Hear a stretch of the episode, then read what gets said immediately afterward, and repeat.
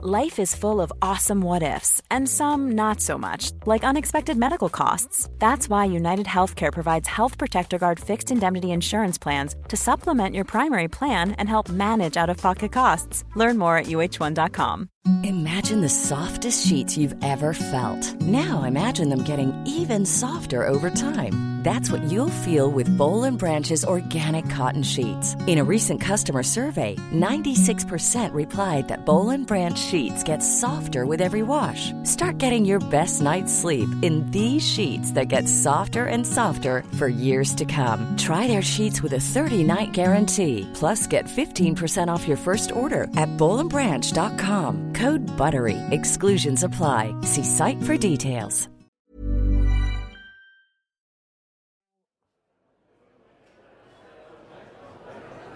Klokka er vel her nå, er det ikke det? Ja. Hva tror du? Jo. Føler du deg redo? Ja, Vi prøver.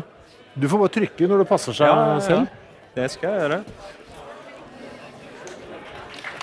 Men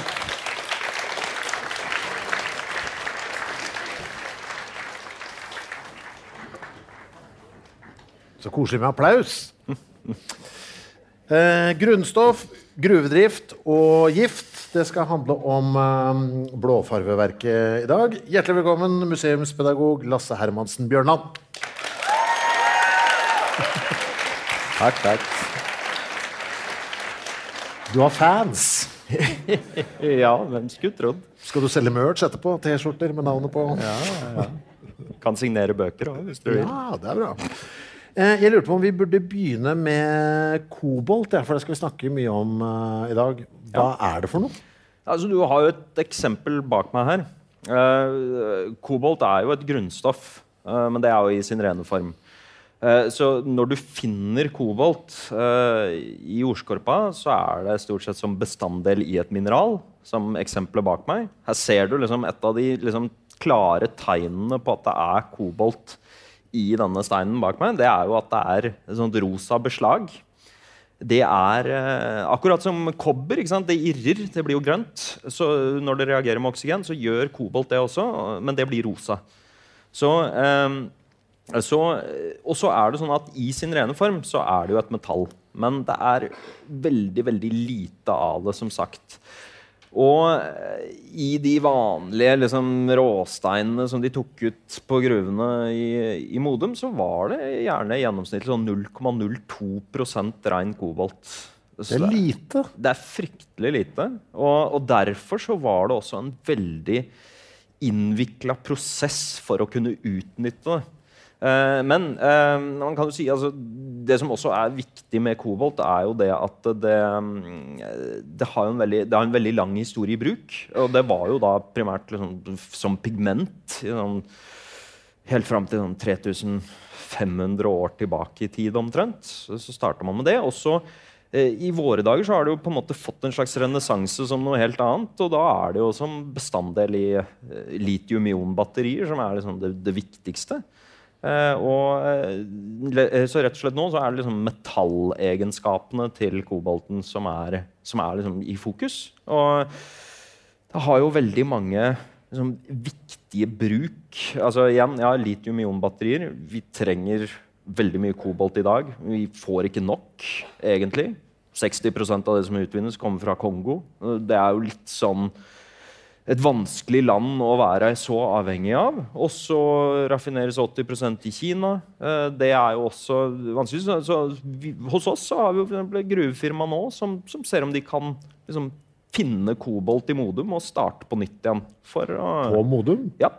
Så eh, det, det er på det som en gang i tida ble kalt for middagshvile gruber, som ligger liksom litt utafor eh, eiendommen til Blåfarverket i dag. Eh, hvor de da driver og borer og, og setter. Så, De litt late gruvene, er det det? Middagshvile. eh, ja, det er liksom eh, de, de, de var mindre enn de andre, så kanskje. ja, Men, eh, men nei, og det mm, Så det er en faktisk definert som et strategisk viktig grunnstoff i dag også.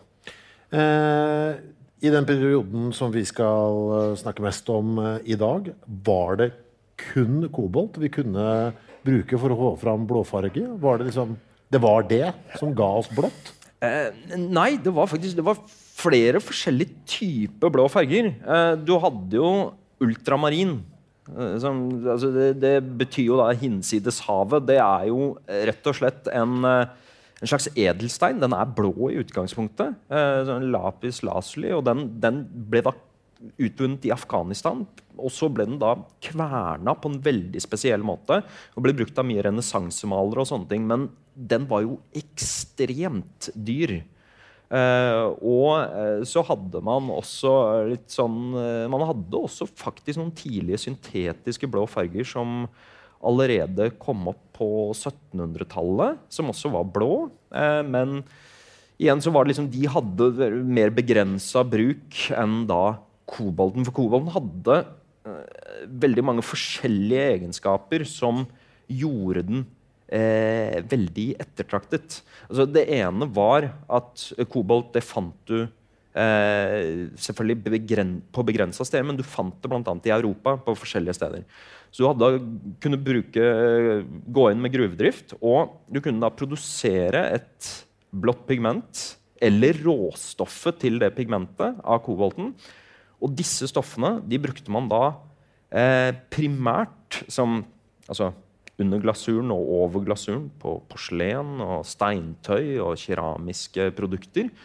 Eh, kobolt tåler veldig høy temperatur, og eh, den er veldig drøy. Så den lager altså, den forsvinner lite kobolt som skal til for at du får blå farge. Og eh, f.eks. porselen. da, og da kan vi jo dra det igjen. ikke sant? Altså, porselen det ble jo utvikla i Kina. Eh, og det var jo, de skapte et varemerke av blått og hvitt porselen. Det var viktig. det var Den stilarten det var det som var populært overalt. Europeerne var helt ville etter dette her. Altså, og da var det da August den sterke kong, ja, Han var kurfyrste av Saksen og konge av Polen. Han satte i gang et ganske intensivt sånt han satte i gang en alkymist, bl.a. Johan Bøttger, som skulle da finne fram til europeisk porselen. Hvordan lager dere Visstnok ble han stengt inne i slottet på Meisen, som da etter hvert ble liksom, første porselensfabrikken i Europa. Og eh, der fikk han ikke lov til å komme ut før han hadde klart å produsere porselen. Uh, og det var mange andre vitenskapsmenn involvert i dette òg. Og han var en sånn veldig snål type. Han skal ha forsøkt å lage gull og, i noen sånne gamle tester. Han prøvde å lage det i visesten og sånne ting. Det var liksom, Alkymister var jo snåle folk, men han eh, da Helt på begynnelsen av 1700-tallet så klarer han da å produsere porselen. Og Visstnok August den sterke, som da hadde, var liksom en veldig mannemann, hadde 50 unger visstnok, og eh, var, liksom, drev krig med mange. og han skal visstnok ha grått når han holdt det første liksom, porselenet som var lagd i Europa. Og så var det samtidig en jesuit, eh, nei, en fransk jesuitt som var i Kina. Det var veldig strengt med disse Det var veldig mye hemmelighetshold rundt porselensproduksjonen. Men han klarte da å smugle ut en oppskrift som han også publiserte i 1712. Så via disse to tingene, og massivt med industrispionasje, så spredte liksom dette seg ut i Europa. Og det førte da til fordi Bøttger han utvikla også to år seinere en blå underglasur som du kunne bruke for å kopiere stilarten til det kinesiske porselenet. Og det var jo da blått og hvitt, og da brukte de kobolt. Og Saksen, som Augustens sterke var liksom konge det var jo den største koboltprodusenten eh, faktisk gjennom tidene når du snakker om blått pigment. Eh, og da måtte du jo utnytte de råvarene som var der. Og, og da, liksom, da begynte etterspørselen å øke ganske markant etter koboltkilder. Um, og så, er det da, liksom, så da har du porselen, og det brukes det til. Og så har du også da glass, selvfølgelig. Kobolt er ekstremt potent, så du trenger har jeg sett en beregning på, at du trenger ca. 4,5 kg rent koboltoksid på ett tonn med glassmasse for å farge det mørkeblått. Så, men da kan du også si at uh, du kan nesten ikke overleve på glassverk, fordi at uh, de trenger så lite. Uh, men der hvor de trengte desidert mest kobolt, det var i papir- og tekstil- og stivelseindustrien. Fordi Blå farge det fungerer da også som blekemiddel. Hvis du tilsetter litt av det. Kobolt hadde en veldig sånn god egenskap i at dette blå pigmentet det tålte et veldig sånn ugjestmildt miljø som var i papirpølpen, eller denne blandinga, for du lagde jo papiret av tekstiler. Det ble jo kalt for klutepapir i Norge, og det var jo Eh, desto mer papir man begynte å produsere 1700-1800-tallet så er det liksom flere og flere kan lese, det er større og større byråkrati. altså Man trenger veldig mye papir. Og det papiret det må ha en tilfredsstillende hvit farge. Og det fikk det da ved å tilsette koboltpigmenter i papiret. Så selv i dag så Jeg har vært på Riksarkivet og liksom lest disse her. det er så rart at det blir hvitt ved å tilsette noe som er så veldig fargesterkt blått. Ja, det, altså det kalles for optisk bleking. Altså, Noen av disse papirene får litt sånn altså Det kan hende det er en smal referanse, men eh, jeg husker at når jeg var liksom på offentlige toaletter på 90-tallet, så var det sånn veldig sånn blått lys. Mm -hmm. Jeg husker det var veldig sånn, Narkolyset, sånn, som vi kalte det. Ja, og, og det var det var liksom, og den fargen er noe papir kan du faktisk få den fargen på enda, som er fra 1800- og 1700-tallet, fordi at det da det, kunne ofte få en liten blå nyanse, men det var da det at du fikk det hvitt. altså at Øyet vårt ser ikke nødvendigvis den blå fargen, men det blir hvitt, og det blir hvitt over lang lang tid. Så Eksempelet bak meg det er jo fra Blåfarverkets eget arkiv. Eh, det er litt sånn artig, for det er sånn tilbakebetaling for han som var kirurg. Han har nettopp amputert venstrearmen til en av de som jobba nede på verket. og da fikk han da 31 riksdaler og 88 skilling i tilskudd fordi han hadde Det var jo litt sånn besværlig å gjøre dette på den tida. Så da, er det godt betalt? Det sier meg ikke så mye. Eh, nei, ikke sant? det sier jeg ikke så mye. Altså, han, årslønna hans var 150 riksdaler, og han var forholdsvis fattig mann, men da kan du jo si at da kan det jo hende det gleda han litt at han kunne gjøre dette. Så fikk han litt ekstra det, det året her. Men eh. så betyr det at mesteparten av blåfargen som ble lagd på blåfargeverket, ikke gikk til porselen, men til andre ting? Eh, mesteparten gjorde nok det, ja. Eh, og det er altså det, Papirmøller, spesielt da i Storbritannia og i Nederland, brukte store mengder av dette. Eh, og eh, man hadde da også selvfølgelig tekstil eh, Folk som produserte tekstil. Eh, de trengte jo også det for å lage hvitt tekstil. Og så var det liksom en sånn hjemmeblekemiddel òg, var jo da blå stivelse. Eller, eh, altså, I England så begynte man da med en sånn storstilt kommersiell produksjon av dette. Og der tilsatte man da eh, koboltblått, altså ferdig blått pigment. Eh, og og det var altså Papirprodusenter trengte langt mer. Du kan si Et norsk eksempel. da, Gjøvik glassverk i 1835 de hadde et årsforbruk av ca. 15 kg koboltkonsentrat. Det er ikke blå farge, det er bare knust og grilla stein.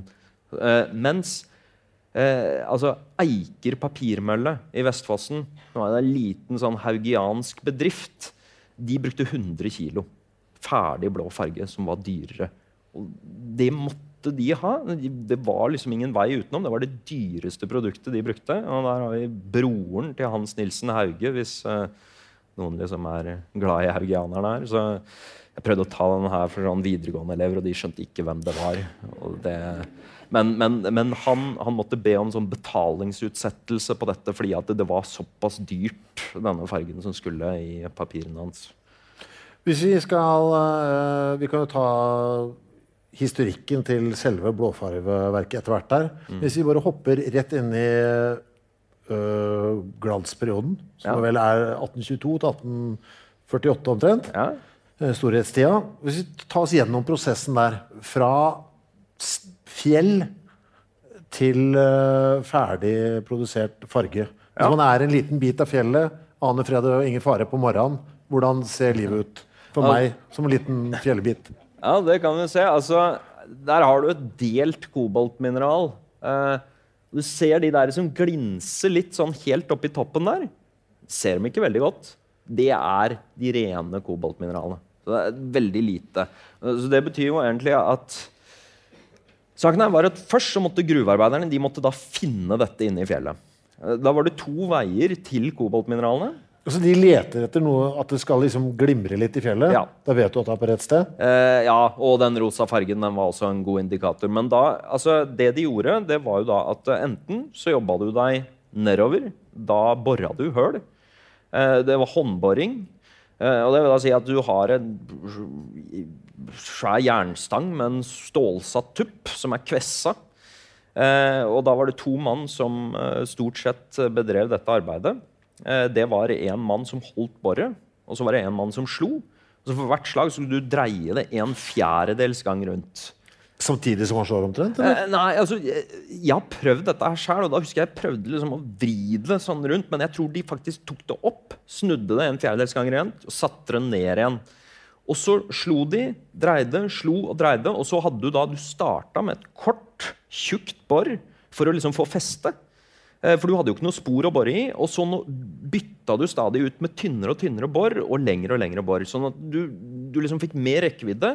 Og så var hele tida clouet var å ikke sette fast boret i hølet. Det var liksom, De hadde noen sånn metode med noen kvister og noe greier som de kunne stikke ned og liksom prøve å dra det ut. Men hvis de brakk boret, så måtte de betale det sjæl. Og eh, det var liksom en fattig eh, borer. Han hadde gjerne ikke råd til det. Så eh, Derfor så var det viktig å liksom prøve å gjøre dette ganske ordentlig. Men uh, da var det altså én holdt og dreide, og en slo da med en feisel. En litt, sånn, litt mindre enn en vanlig skjegge. Og Hvor mange sånne, det, mange sånne par er i sving på likt? Uh, altså Ja, her har vi dem. Ja.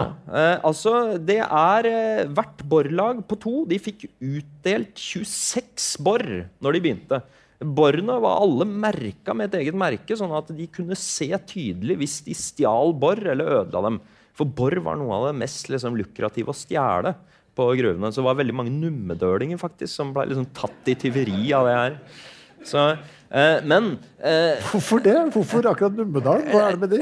jeg veit ikke, men det var sånn, de var litt sånn eh, De blir nevnt ofte. Jeg har et eksempel på ei sånn dame også, som, som påsto hun hadde fått eh, fire uekte barn. Hun bodde i Tarmen, eh, like ved Sysle i Modum, ikke så langt fra og hun hun, også, hun, hun påstod at hun var besatt av en orm som hadde krøpet inn i underlivet hennes og liksom eh, forhekset henne. Og så sa hun at det var en nummedøling som fikk den ut.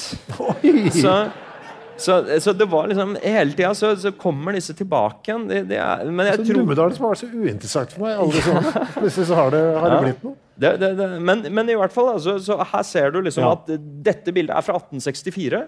Eh, for øvrig et unikum i norsk fotografihistorie. Dette er fra koboltgruvene. Alle andre gruvemuseer i Norge bruker dette som sånne illustrasjoner når de eh, har ting.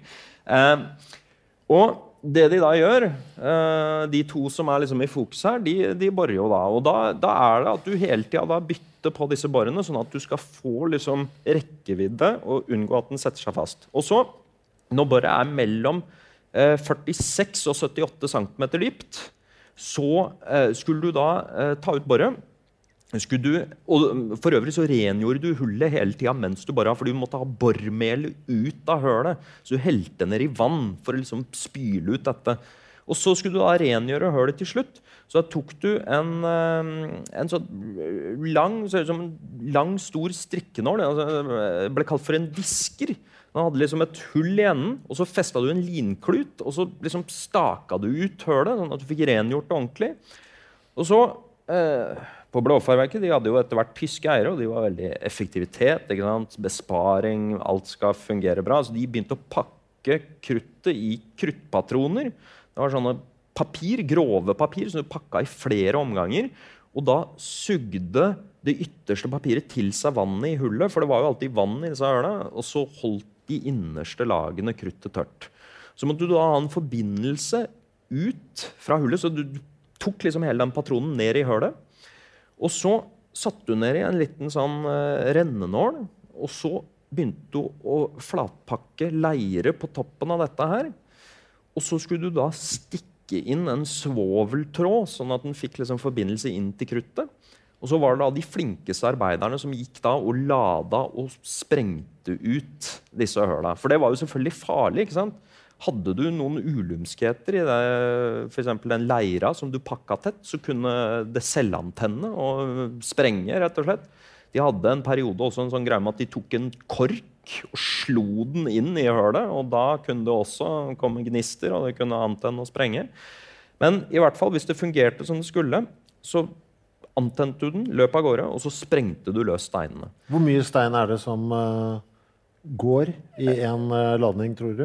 Ikke mye. Nei, Så du må, du må gjøre dette mye? Dette må gjøres mye. Uh, hvert borlag hadde en sånn to, 208 cm, var det vel direkte regna over, som de måtte bore per dag.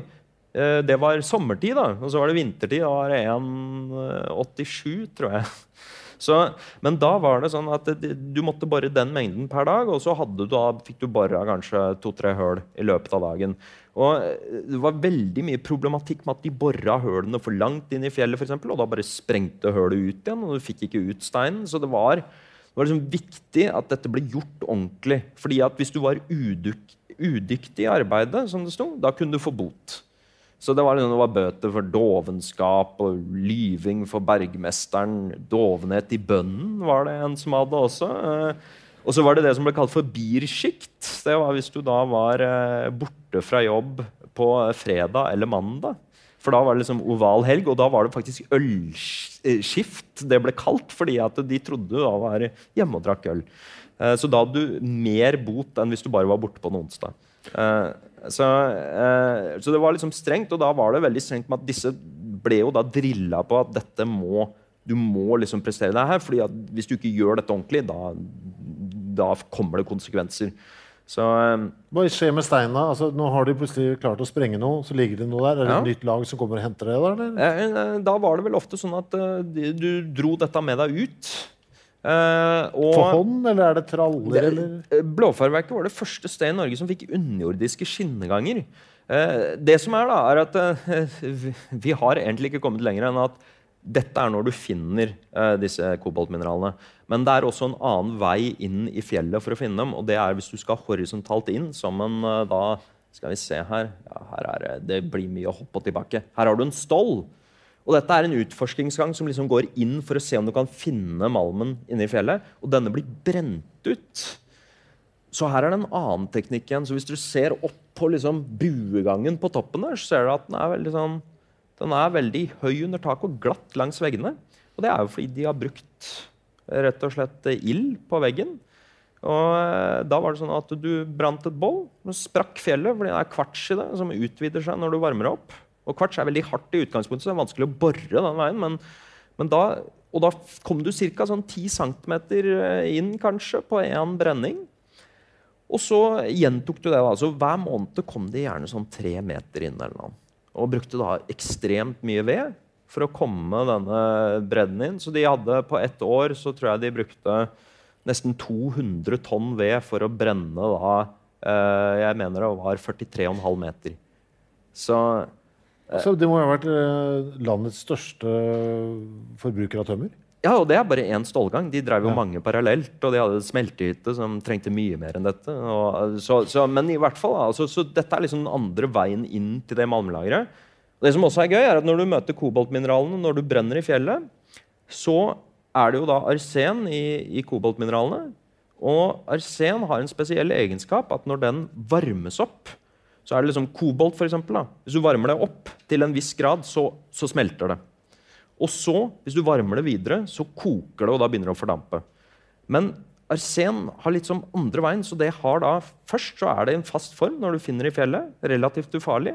Og så, når du varmer det opp, så sublimerer det. altså Du går direkte fra liksom, fast stoff til eh, damp.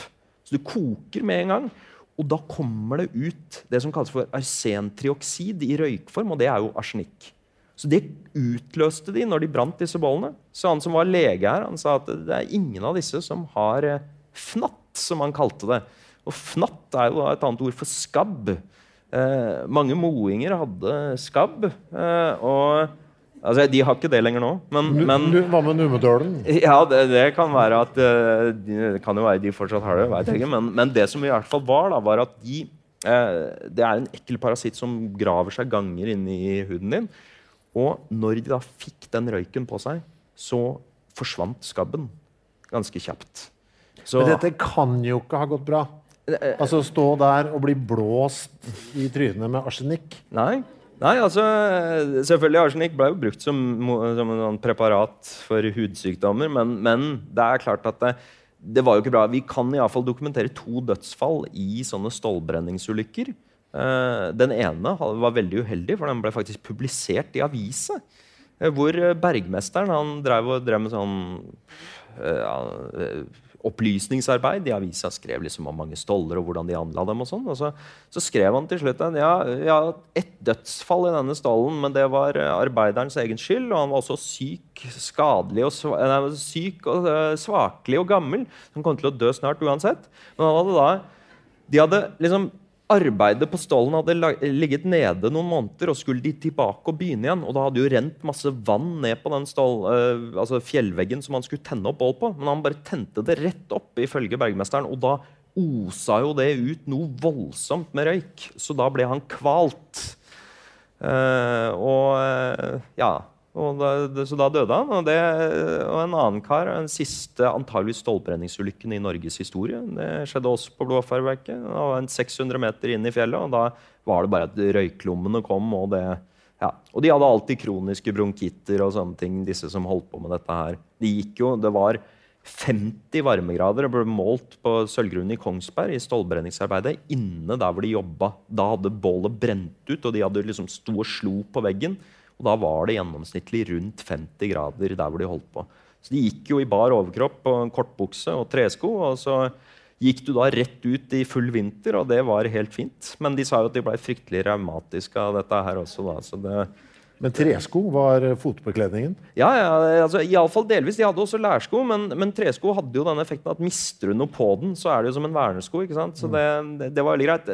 Litt kjipt når du da liksom går opp en sånn glatt trestokk som er hogd inn trinn uten, uten eh, noe rekkverk, og du har en oljelampe i hånda i tillegg, så kan det jo være litt verre. Men lærskoa hadde ikke spor, de heller, så det var jo glatt, det òg. Men når vi først er inne på ulykker, dette var jo Stollen med de ja. folka som sto og bora og sprengta. Ja. Det kan jo ikke ha gått bra alltid, det heller? Nei, nei, nei. Altså, det er jo klart, De utløste jo også arsenikkrøyk. fordi at den, så fort den får varme på seg, så skjer jo det kommer ut en sky liksom, av det og selvfølgelig mye annet bøss som ligger i gruva.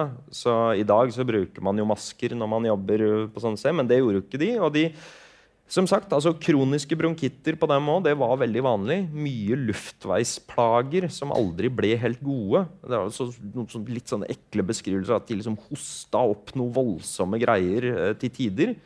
Gjennomsnittlig levealder på en gruvearbeider eh, som hadde blitt voksen, da, som bodde på Skuterud, eh, det var jo 40 år.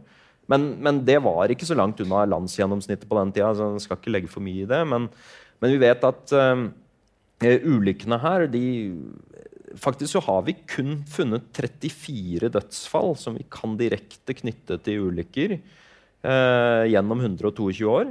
Så det er ikke sånn fryktelig mye.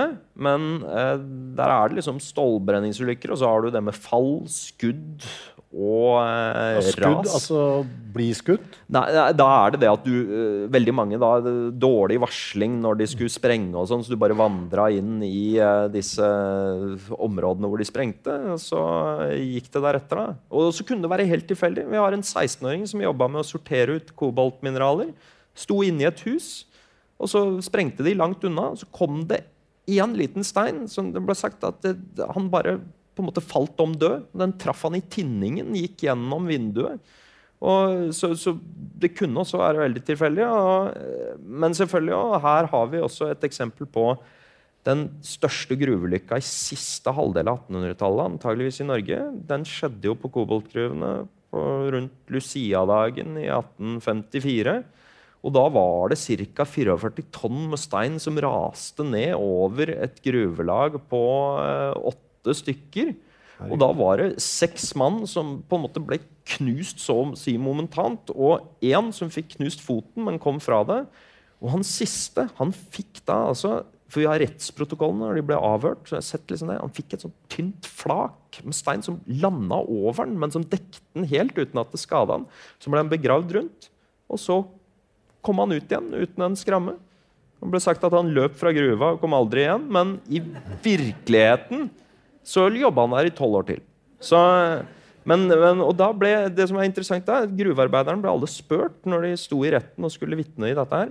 Altså, Er du redd for å gå på jobb? Og Da kommer litt sånn inn i psyken på disse som jobber her. Og alle sa liksom at eh, selvfølgelig er man redd for å gå på jobb, men, men altså, hvis du skal fungere i det arbeidet her, så må du bare stenge det ute. Og så har vi eksempler på noen av dem som sier det at uh, vet du hva, nå, jeg, etter det her så klarer jeg ikke mer. liksom. Men selv han som sa det, han jobba der videre. Så det, det, var liksom, Du hadde stort sett ikke så veldig mye valg. Det var eh, noen familier som liksom, de var i gruva, og det var det du gjorde. Men tilbake til denne lille steinbiten ja. som vi nå har fått, som vi har fått ja. løst. Hvordan, hvordan frakter vi den? Uh, og hvor frakter vi den? Altså, Den fraktes ut her. Eh, helst ut av stollen. For den er da satt i system til liksom malmsonen. Den rulles ut. Da har du en skinnegangsvogn eller en vagge. Eller en engelsk hund, som det ble kalt. Altså, du, du dytter den inn. Engelsk hund? Ja, det var engelsk eller unga, ungarsk hund. Det var liksom forskjellen. Men det var engelske, de som var i Modum. Men uh, der, eh, der dytta du var, Stallene var anlagt med en sånn 2% helling utover, for da drenerer alt vannet ut naturlig.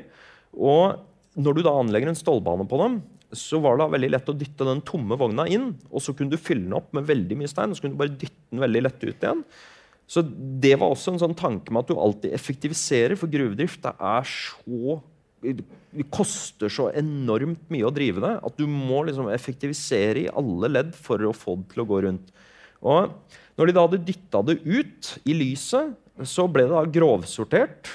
Så da var det liksom de steinene som man anså kunne inneholde kobolt, de ble da tatt med til Skeideguttene. Nå skal vi se om jeg har et Ja, her har du et dagbrudd òg. Det er litt sånn kult, for du ser han, det står en mann på den ene stokken der.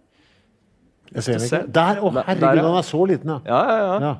Uh, og uh, det er litt sånn artig, for det, det så ikke jeg alltid heller. Men nå, jeg, nå, ser jeg bare det, egentlig. Men, uh, altså, men dette her, det er inne fra da, et skeidehus. det er sorteringshuset. Og der var det noen som gjorde en veldig viktig jobb, og det var da barn. på Koboltgrunnen var den yngste jeg har sett, han var ni år gammel når han ble ansatt. Men gjerne så var de rundt 11-12-årsalderen når de begynte å jobbe. Hva er fordelen med å ha barn framfor voksne? Eh, de er billigere. Mm, selvfølgelig. Det er den absolutte fordelen. Eh, du hadde et sånt system hvor du liksom steg i gradene. og da var det Når du ble 18, så fikk du lønnstilskudd. Og når du var 21, så fikk du vel liksom det endelige lønnstilskuddet. Og når du da var 12, så var det jo ikke sånn fryktelig mye du fikk av betaling. Men det ble ansett som en veldig gode at det var sysselsetting for unger i kommunen, fordi at da ga du tilskudd til uh, hardt prøvd økonomi hjemme. stort sett da. Og disse guttene de eh, satt da og hamra disse steinene ned. Og de skulle sortere ut fire på et tidspunkt i hvert fall, fire forskjellige kvaliteter av koboltmineraler. Eller koboltmalm. da. Og da kan man tenke seg at når det da kanskje har noen få prosent kobolt i den steinen, så skal man da ved å kunne se på den steinen skal du kunne vurdere okay, hvor mye avfallsstoff har jeg dette. Hvor mye kobolt er det her? Og så skal du legge det på forskjellige hauger. Og det, han fyren som sitter der, han er da oppsynsmannen, og han øh, Fra liksom Når du var under 18 da fikk du ikke trekk i lønn som straff, men da var det jo tamping. Eh, da hadde man altså en sånn taustubb med en knute på. Altså, dette var sånne ting de brukte på sånn Donald som henter vann i brønnen. Du hadde en gigasvær sånn en som du drev og heiste opp ting av dagbruddet med. Og den taustubben der den ble da brukt når du da kutta en passende stykke. Og så slo man da eh, de som da ikke gjorde en god nok jobb med den.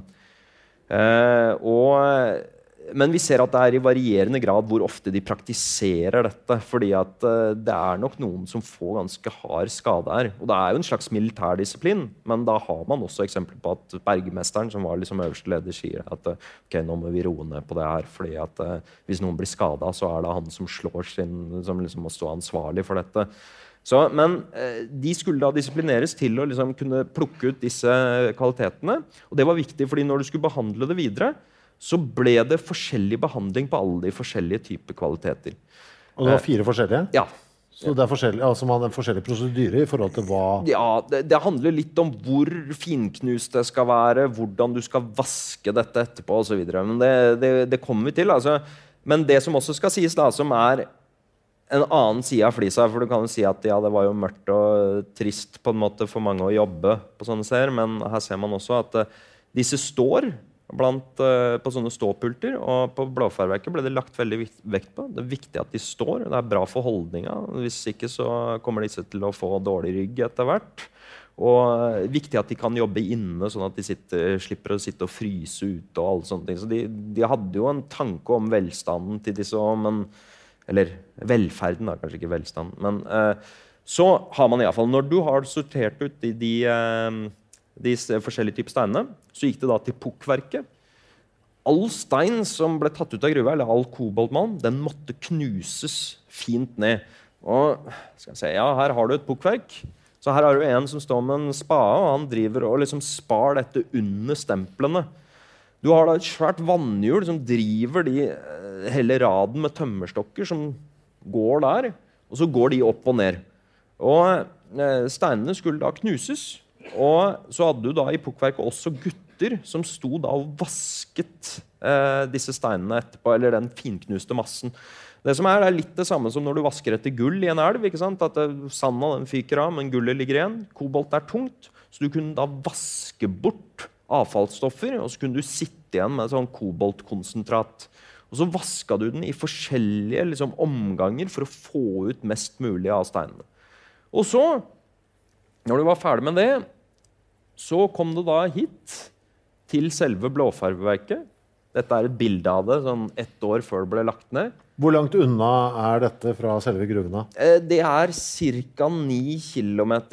Så det er ganske langt. Og når de skulle anlegge dette, så var det jo en tanke om at ok, frakt til og fra et sted, det koster mye penger. Så, men her ble det da lagt vekt på Dere ser det så vidt bak i hjørnet der, så er fossen. Og dette krevde veldig mye vannkraft. Og da var det viktig å ha en foss som var tilsvarende svær, sånn at du kunne drive maskinene hele året igjennom. Uh, og det kunne de her. Så her kunne de ha pukkverket i gang. De kunne ha liksom, fargemøllene. altså Alle disse tingene kommer vi liksom inn på nå snart. Men uh, for å da liksom kunne ha den kontinuerlige driften, så var det verdt å frakte det så langt. Og I starten så hadde de ikke noe ordentlig vei engang, så de måtte bare frakte det til og fra på vinterføre. Så allikevel så lønte det seg. Men eh, her på Blåfarveverket så ble da disse koboltmineralene de ble da kalsinert. Eh, der har du liksom inne fra en sånn røstehytte. Eh, der tok de da og eh, kasta denne sanda som de hadde fått fra pukkverket, inn i en ovn. Og der skulle de da drive ut arsenet og svovelet fra koboltmineralene. Og det aller meste av et koboltmineral, det er arsen.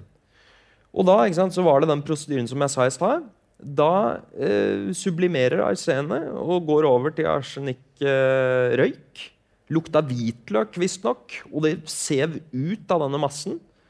Massen ble da også mindre med en gang. Og så gikk det da ut av ovnen, og der ser dere den der lille pipelignende saken på hjørnet der.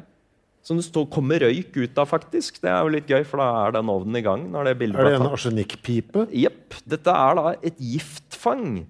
Uh, det er jo faktiske navnet på det. Altså det som er at uh, Arsenikkrøyken den måtte jo fanges opp. Fordi at Hvis gruvedriften skulle lønne seg, så måtte du benytte alt i steinen som du kunne tjene penger på. Og Arsenikk var jo da en veldig ettertrakta salgsvare. Altså, du ville ha det? ja? Du ville ja. ikke bare bli kvitt det? Du ville ikke bli kvitt det, men eh, altså, det skal sies at det var en tosidig ting. For du fanger jo arsenikken nå, så du slipper ikke alt bare rett ut. Men det man hadde, var en lang horisontal pipe. Så når denne røyken sev gjennom pipa, så mens det da ble avkjølt, så avsatte det seg som en sot langs pipa. Og så To ganger i året, når verket da ble stengt, sånn rundt drikkedagen og øh, jul, så Drikkedagen? Eh, ja. Eh, det var Altså, det er en sånn gammel gruvetradisjon med at det var et slags julebord, egentlig. Så før jul så skulle du da få Da fikk alle arbeiderne liksom samles for en sånn festkveld. hvor alle, alt fra 11-åringene til de eldste karene, fikk da utdelt sin porsjon brennevin og eh, øl. Det var bare mennene som fikk det, eller guttene. da. Og, og så var det fest, dans og kaker og sånne ting. Og som det sto legen skrev, og mange alvorlige slagsmål. Og, eh, og så var det problemet der var det at eh, i 1838 så var det to karer som ble så fulle at de sovna ute og frøys i hjel. Og da bestemte man seg for at ok, men da flytter vi det til rundt sankthans i stedet for. Så etter det så var det alltid rundt sankthans. Og da var det sånn at eh, ja, da var det full fest. Nå i farta Jeg husker ikke helt hvor mye brennevin disse elleveåringene fikk, men det var jo liksom en, det var en, en, viss mengde. Jeg mener det var noe sånn rundt to desiliter, eller noe, for de var veldig Jesus. spesifikke. Et kjøkkenglass med sprit? Ja, ja. Eh, og, men, Nå drikker du, så får du stampen. Eh, ja. ja. ja ikke sant? Så du skal kose deg. Men, uh, altså, men, det som i hvert fall var, da, var at Så, så, så det blei jo en sånn skikkelig fyllekalas. Og, og uh, og det var en skikk som varte ganske lenge. Antageligvis så ble denne ulovlig i Norge på 1700-tallet en periode.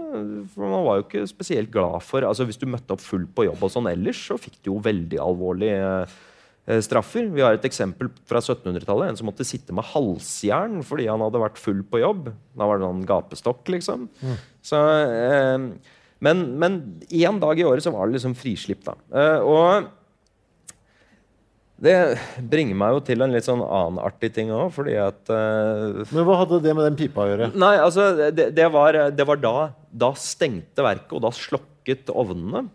Og før de da satte ovnene i gang igjen, så eh, skulle de da feie pipa. Og det gjorde de på drikkedagen? Eh, nei, de gjorde det dagen etter. Eller, ja. altså, sånn, så, det hørtes ikke bra ut. Nei, nei, nei, det kan du si. Vi har et krutthus som eksploderte rundt en av de drikkedagsgreiene. Men det er jo en annen ting. Men uh, der har du i fall det at de, de hadde da luker på sida av giftfanget som de da feide. Da var det verkets egen feier, for de hadde jo egen feiertjeneste. Og alle de som jobba med kalsinering, som ellers sto i denne røyken tolv uh, timers skift seks dager i uka hele året. de sto da og feide dette. Og det var da verkslegen sa at det var de eneste gangene det kom skader på disse folka. For alle stedene som da er utsatt, altså nakenhud som er utsatt for den soten, eh, da blei det ofte eh, Spesielt hvis du svetta, så, så, fikk du det som på engelsk de kalte for arsenikkkopper. Det var sånn at du får sånne pussfylte sånne blemmer der hvor dette legger seg på huden. Og, og gjerne sår i ansiktet. Men legen sa at eh, vi tar bare på blåleire, og så går det bort. Så det var greit. Eh, er det godt lønna, eller, de som skal gjøre den jobben her? For de skjønner vel at altså Det har vært kjent lenge at arsenikk ikke er sunt, så de visste jo at det var farlig? Ja, altså I saksen så ble det fall skrevet i noen gamle tekster at det var dødsdømte fanger som gjorde dette her, mot å da liksom unngå den dødsdommen. Men, men uh, i Norge så var det jo ikke det. Og i starten så fikk de nok et slags smusstillegg for å gjøre det. men det i en sånn beskriving fra 1832 så sier de at det, det får de ikke lenger. Så, så, det var liksom bare noe du, du gjorde, antageligvis. Men eh, igjen så, så, ble det da sagt at eh, de, eh, de, kunne få disse sårene på seg. Det fikk de stort sett bare når de drev og feide dette her. Fordi Arsenikken skulle da feies ut, og så skulle den etter hvert så begynte man da å raffinere den til det som ble kalt for hvit arsenikk. Da har man et sånt arsenikktårn som man kaller det i dag, som står på blåfarverket enda. Visstnok ble de som prøvde å rive huset ved siden av, ble så sjuke på 1930-tallet at de droppa å rive det. Men, men der eh, tok de da og varma opp denne soten, for den var en sånn grå sot. Og Så utvant de litt koboltrester fra det, og så samla de opp røyken på nytt. Og da fikk de sånne hvite, glassaktige krystaller, og det var da hvit arsenikk. Det var en kjempeettertrakta handelsvare som den var ikke så dyr, eh, men det var da, altså de brukte dette i alt fra altså Det ble kalt for rottekrutt i Norge. Eh, man kalte det for arvepulver i Frankrike. Giftens konge i England. Og også ja, medisinens arbeidshest kalte de det også i England. Fordi du brukte det i medisin mot alt mulig rart. Det var da en som het eh, eh Fowler, doktor Fowler i England, som fant ut at det var en kjempefin kur mot malaria. At du, du ga dem eh, han ville ikke si at det var arsenikk i det, for da tenkte han at da fikk folk litt sånn ugunstige assosiasjoner. Så han sa bare at det var en mineraltinktur som han ga dem. Og han rapporterte kjempebra. Det var sånn 245 eh, pasienter, og 242 ble friske. skrev han. Eh, og det var noe bivirkninger der som man ikke var så lysten på å skrive om, men som kom. da. Men, eh, men det som i hvert fall var, var at det, det ble kalt da etter hvert Faulers løsning. Det ble brukt til alt. Altså alt fra fyllesyke til eh, leukemi. Eh, det ble brukt også til eh, morgenkvalme blant gravide. Raumatisme. eh, spesielt astma. Astma var eh, Arsenikk mot astma. Ja, og der kalte de det, det var Jeg husker ikke helt ordlyden i det, men det var noe lignende som eh, oh, Hva var det det var? da? Det var eh, eh, eh, breathe, eh, The breath is breezy, not even wheezy, var liksom tanken etter dette. Det var noe sånn sensasjonoppslag i britisk presse om at å, nå kan jeg gå til toppen av Crystal Palace før så kollapsa jeg etter bare å gå noen titalls meter. Fordi nå har jeg da begynt å røyke arsenikk. Oh. så du fikk det i pipeform eller i, som sigaretter. Og da blir det sagt at doseringa var ett og et halvt korn arsenikk. Og ett korn var 62 milligram, tror jeg, sånn cirka. Så, så, så, og, og, da, og det var mange det var mange kjente personer som også brukte arsenikkmedisiner, sånn som f.eks. Darwin. Eh, hans datter begynte å stusse over at han plutselig hadde så veldig sånn solbrun hud, selv om han var inne hele tiden. Eh, og det var fordi han fikk pigmentforandringer pga. arsenikkpreparatene. Og, og da kom spørsmålet ja, hva tok han det mot. Han tok det mot dårlig mage og eh, hudproblemer. Og hva fikk han av det? Dårlig mage og hudproblemer. Så, eh, og visstnok Karl Marx så han slutta å ta det, for han mente at det sløvet uh, liksom, sinnet hans. Så han uh, kutta ut dette. da. Men, uh, og det ble, Er det det det ble brukt mest til? Altså, nei, nei, nei, nei, det var bare en bitte, bitte liten del av det. Så Ja. du, det, var, det ble brukt En annen ting var en kur mot skallethet. Så det var en slags sjampo som du hadde arsenikk Og i. gni, gni Ja, arsenikk i skallen. Eh, For menn, da. eh, Det fungerte jo ikke. Men eh, det, så hadde du eh, Og så hadde du kosttilskudd. Det var også en sånn sagt at folk ble så virile hvis de spiste arsenikk. Så det var mange menn som drev og gjorde dette her. Eh, Visstnok sånne steder i Østerrike òg, så, så, så var dette ansett som et sånt kosttilskudd for folk som jobba i høyden. Eh, og kvinner fikk også da, pga. at det, de, de, de kapillærene, altså de, de, minste små blodårene, de utvides når, når man spiser det. Så i starten fikk man da en veldig sånn pen hud. Hudtonen ble veldig flott. Dette varte ikke lenge, eller? Vi skjønte vel Hvor, lang, hvor lenge vi drev og kosa oss med å gnafse arsenikk? Kan vi ikke ha gjort det lenge? Ja, altså mot, Du må jo begynne å falle fra litt. eh. Ja, det ble brukt som en kur mot psoriasis helt inn på 1900-tallet. Men, eh, men, men det er klart, altså det, det, man, man, 1800-tallet var liksom det store århundret for dette. Men man brukte det da også Det primære man brukte til, var da grønn farge. Altså, vi har jo blåfargeverket, og jeg vet vi har ennå ikke kommet til enden av hvordan den blåfargen ble til, men nå, nå kommer vi til det her, da. Men eh, altså, det som er, er at eh, en som het Carl Wilhelm Scheele, en svensk vitenskapsmann, han forsket masse på arsenikk på 1770-tallet. Han beskrev bl.a. hvordan arsenikk smaker. Han ble 43 år gammel. Det kan jo ha noe med saken å gjøre. Men, eh, men han fant da ut at hvis du blander arsenikk med et sånt preparat, som eh, pottaske eh, Det er et stoff som lages av treaske, derav navnet. Og det brukes bl.a. som et sånt smeltemiddel. og får ting til å skje, rett og slett, sånn kjemisk sett. Du hadde da pottaske, arsenikk og kobberoksid. Og når han kokte dette, så fikk han da et bunnfall som var gressgrønt. Og grønne pigmenter var så sjeldne, for du har liksom den blåe eh, altså Alle blåtoner er vanskeligere å produsere. Så det at han hadde klart å lage den grønn fargen, det var jo kjempebra. Så det ble kalt for Scheeles grønt.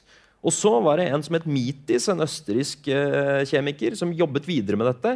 Og han klarte da å produsere en litt mer sånn flaskegrønn farge. Da hadde han kobberhydrat i stedet for, men ellers var det ganske likt.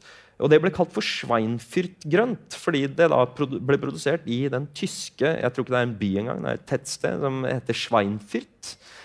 Og i 1860 så hadde da britene 50 forskjellige nyanser med arsenikkgrønn. Og de, til slutt så kutta de ut å gi det nye navnet omtrent. For det var, liksom, det var baselgrønt, det var papegøyegrønt, det var, eh, det, det var eh, emerald green, og til slutt så blei det bare uh, beautiful green. var liksom en av de da. Og uh, årsforbruket i Storbritannia på Schweinfurt grønt var 700 tonn i 1860. Og ennå så importerte de samme farge fordi de fikk ikke nok. Det ble kalt for the cheerful color. og Det ble brukt i alt fra takmaling til tapet. Og spesielt tapetindustrien. Ja, hvor mye arsenikk er det i denne grønna? Mye, liksom? Eh, det varierte veldig. eh, Men eh, de, de, målte jo dette i sånne korn. Men da var det sånn i kvadratfoten av tapet så kunne det være opptil da altså Jeg mener det var oppi nesten Ja vet du hva, Det er så lenge siden jeg tok den utmålinga, men det var oppi oppi altså nesten grammet, tror jeg. Og dødelig dose er jo 100-300 milligram. Så, så, men altså, det som var greia, da, var at eh, fot? Per fot? Ja, ja, ja altså, det er liksom Det er ikke en meter engang. Ja, det er lite. Det er sånn som laptopen her, liksom? Det er det. Og, og, det som var, da, var at Og det er jo få som veit om, men, men, i Norge òg var en helt hysteri etter hvert. Folk var livredde dette her når de begynte å skjønne at det var noe sinnssykt giftig i veggen deres. Fordi at tapet var liksom eh, Tapetindustrien var nesten fullt mekanisert innen midten av 1800-tallet. Og da gjorde det å kunne produsere det veldig billig. Så eh, man, Det introduserte også på en måte middelklassen og helt ned til faktisk folk som ikke var spesielt hadde mye midler, kunne kjøpe tapet. Det var veldig lett å klistre over. og Du kunne, liksom, ja, du kunne introdusere nye moter og sånne ting. Og og igjen så ble jo denne grønnfargen ble jo kalt for the cherry color. ikke sant? Folk ville ha den, inntil det ble kalt for the tint of the grave etter hvert. Men, eh, altså, men det som da var, var at eh, disse eh, Folk begynte å bli syke i disse husene. Og så skjønte man ikke helt hva er det egentlig som skjer her. Og, og det som da etter hvert ble, var at man trodde enten at det støvet ut arsenikk i rommet, eller at det kom en gass. Og eh, I 1891 så klarte Bartalomeo Gosio, en kjemiker fra Italia, å påvise at det var en gass som ble, eh, kom ut. Den ble kalt for Gosios gass. Han gjorde masse forskning på den uh, tidlig penicillin, og sånn, men det er det ingen som husker den for. Det er bare Gosios gass. Uh, og etter hvert så fant de ut at det var da trimetylarsin, og det er en giftgass. Uh, og det førte bl.a. til at i 1902 så ble giftig tapet ulovlig å selge i Norge. Den første saken her i Norge var faktisk fra Drammen. Hvor tapetprodusenter og selgere og alt måtte ut offentlig i avisa og si at vet du hva, det, det, er ikke sant at dette er så farlig som det skal ha det til. fordi at da hadde Drammens Blad mener jeg det var, hadde slått opp en svær greie om at tre unger hadde blitt forgifta etter grønt tapet på soverommet. Det var da i 1872. Og da krevde avisa egentlig at sunnhetspolitiet skulle gjøre beslag hos de som solgte dette. og sånn. Og, så det var, det var kjempemasse saker, og folk skreik om at dette skulle gjøres ulovlig. Og noen leger mente jo da helt på andre sida av fjøla dette her er veldig, det er bare bra for helsa. Du får litt arsenikk hele tida ut i rommet. Han Feie, som Feies gate er oppkalt etter i Oslo, han mente jo det at dette er null problem. Kanskje migrenen min har blitt bedre pga. at jeg har et tapetsert ja, har ingen fnatt som kryper rundt på Nei, meg. ingen fnatt heller. Så, men i hvert fall, det, det var jo en veldig lang greie. Men ble det da forbudt? Totalforbudt da? I 1902 så ble det Norge. Storbritannia ble det da aldri. Eh, du kan fremdeles kjøpe arsenikktapet med litt flaks? Eh, teoretisk sett, ja. Jeg tror de har slutta med det nå, men de ville ikke legge noe lokk på uh, lokal industri. Altså, du kan tenke deg, De eksporterte da antageligvis opp mot jeg mener det var I, i USA så hadde de et forbruk på 57 millioner ruller med tapet sånn rundt 1860. Det var nok til å tapetsere altså ekvator og fortsatt ha tapet igjen. Så Eh, folk var jo ville etter det, men i Storbritannia også ble det noe furore etter at du fikk sånne, sånne, frimerker som du slikker på, eh, som var farget med arsenikk. Og så tok man det deretter. Eh, så, så det var liksom det, det, Så etter hvert så, så, så, ble det Det ble vel en mer sånn en offentlig liksom, Et krav fra det offentlige om at vi må liksom, Men tilbake til oss her, her hjemme. Hvor mye arsenikk eh lagde vi? Altså, Vi vet at det største året her òg var 1860. Alt gikk jo til Storbritannia, selvfølgelig. Og var det, da var det 50 tonn hvit arsenikk som gikk fra Norge. Og det var Norge, eh, var den eneste produsenten på det tidspunktet. Og vi vet at når de gikk, da ble overlagt til skifteretten i 1849, så måtte de da eh, skrive hva de hadde på lager. Da hadde de 150 tonn med uraffinert arsenikk i et eget lagerhus som ble kalt for Arsenikkhuset. Hvordan lå det bare i sånne hauger, da? Eller hva? ja, altså de, de sa at i perioder så hadde de veldig problemer med å bli kvitt det. Så de prøvde å dumpe det i havet eller grave det ned. og sånne ting, Men det, det, det, det gikk ikke. Det var bare brysomt. Men så kom jo denne plutselig da, denne industrialiseringen og denne enorme etterspørselen etter det. Og da begynte de å selge unna. Så da var det litt, litt greiere igjen. Eh, skal vi se hvor langt har vi kommet i uh, å lage faktisk fargen blått? Vi har, vi har litt Ja, vi har et stykke igjen. Vi har ikke kommet så langt. Ja, Eh, nå, vi har fått, ja. fått ut uh, arsenet fra, Ja. fra koboltmineralene. det, Og det andre bøsset, hva er det vi sitter igjen med da? Ren kobolt? Nei. Da sitter du igjen med et, eh, noe som ble kalt for koboltslig. Det er da liksom denne det, det knuste, vaskede og grillede massen som da ligger igjen.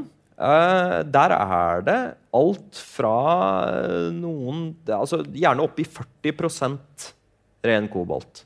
Men det er fortsatt mye ulumskheter i dette her ennå.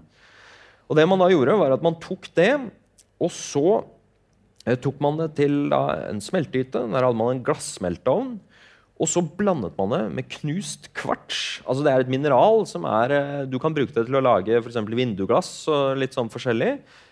Og for å få kvartsen til å smelte, for den smelter på veldig høy temperatur, så måtte du da tilsette et smeltemiddel, eller et uh, flussmiddel, som det ble kalt, og det var pottaske. Så vi hadde et enormt forbruk av pottaske.